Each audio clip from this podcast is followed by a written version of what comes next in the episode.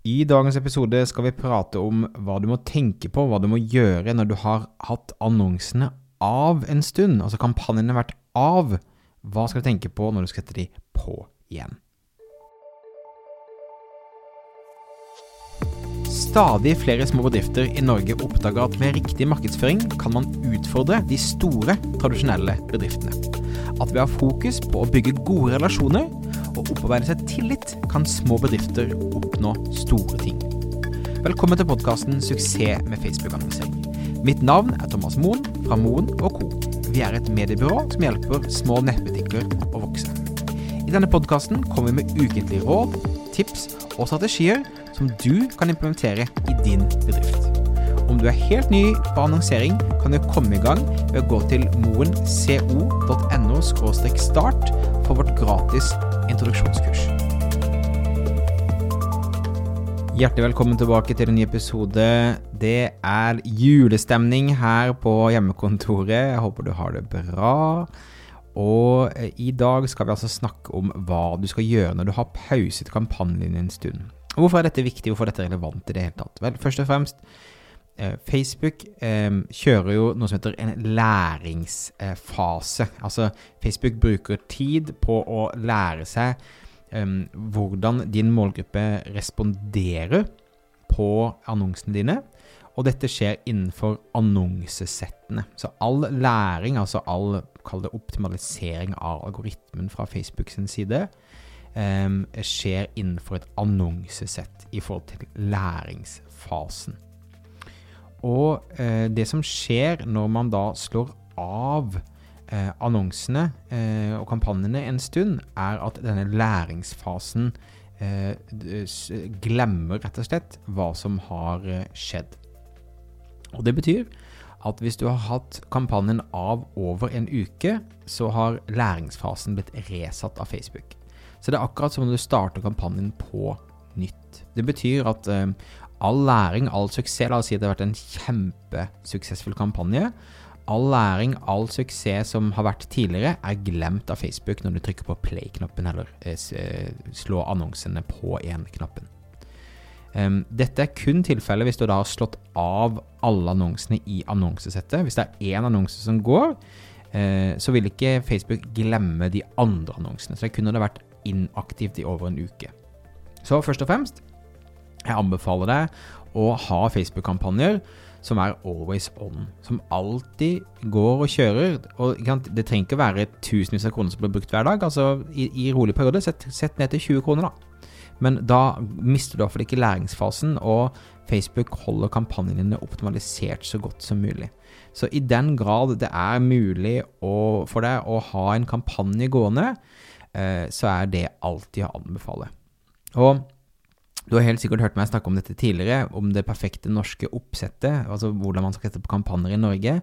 Eh, og driver du nettbutikk f.eks., så skal du ha én katalogannonse, og så skal du ha én eh, konverteringsannonse. Og så kan du kanskje ha en engasjement- eller trafikkannonse også for å bygge ha denne salgstrakten som jeg snakket om tidligere.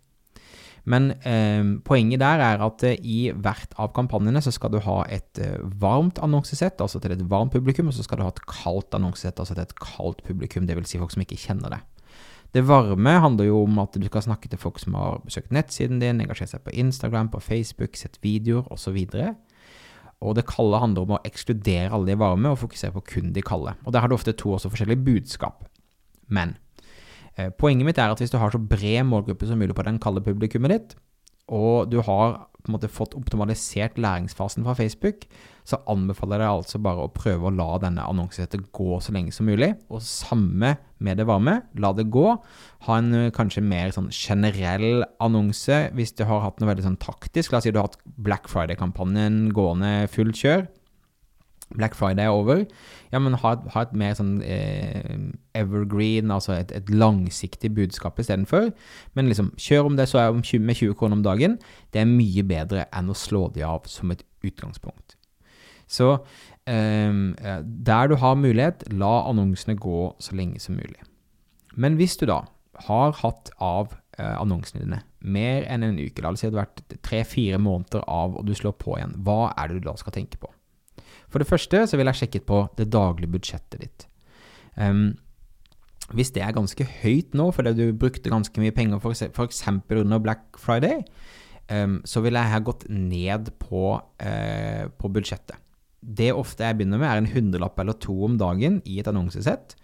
Og så da hver tredje dag, så lenge jeg treffer målene mine, så vil jeg da øke dagsbudsjettet med 20 Så la oss si du har hatt en tusenlapp eller to gående på et annonsesett, og du skal starte det etter at det har gått to-tre måneder, så ville jeg vurdert, ut ifra målene dine selvfølgelig, men jeg ville vurdert å da gått ned til en hundrelapp eller to om dagen i starten. Jeg ville også sett da historisk på dataen, og sett selvfølgelig hvilken av annonsene mine, eh, hvis jeg ser på lifetime, har levert best.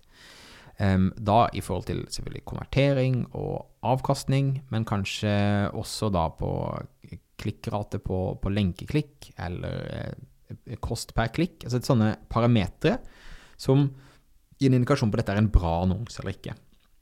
Så vil jeg prøve da å eh, starte med å kjøre kanskje bare én av alle de annonsene du har kjørt, kanskje bare én annonse de første dagene eller, eller ukene um, for å gi Facebook da mest mulig positiv feedback på den annonsen som har fungert best historisk. Så det du gjør, er at du setter ned budsjettet, sånn at ikke Facebook får det presset på at de må levere med en gang. Og så velger du da kun ut den beste annonsen som du har testet tidligere som, som kjører. Så får Facebook positiv feedback hele tiden. Det var 'Å, jøss, her, her får jeg en salg. Å, hei, hvor det går.'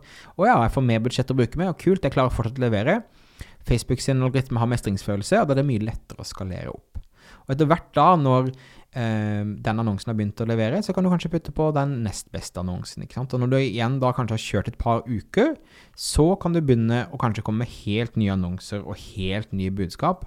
Men du vil altså begynt med å ha et lavere budsjett og vil begynt med de annonsene som har levert best, for å gi Facebook da en, en raskest mulig vei inn i, um, i, å få tilbake læringsfasen, um, eller komme seg gjennom læringsfasen, så den på en måte er bare helt aktiv.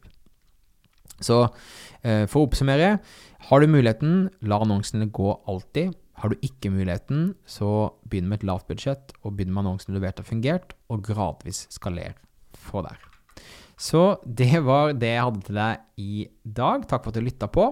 Eh, om du ikke allerede gjør det, så husk å abonnere i den podkast-appen som du foretrekker, for å få med deg fremtidige episoder. Det kommer ut en ny episode hver eneste onsdag. Om du driver nettbutikk og ønsker å vokse, så kan du lære mer om hvordan vi kan hjelpe deg på moen.no annonsering. moenco.no annonsering. Mitt navn er Thomas Moen. Vi høres igjen neste uke for en ny episode av Suksess med Facebook-annonsering. Ha det fint!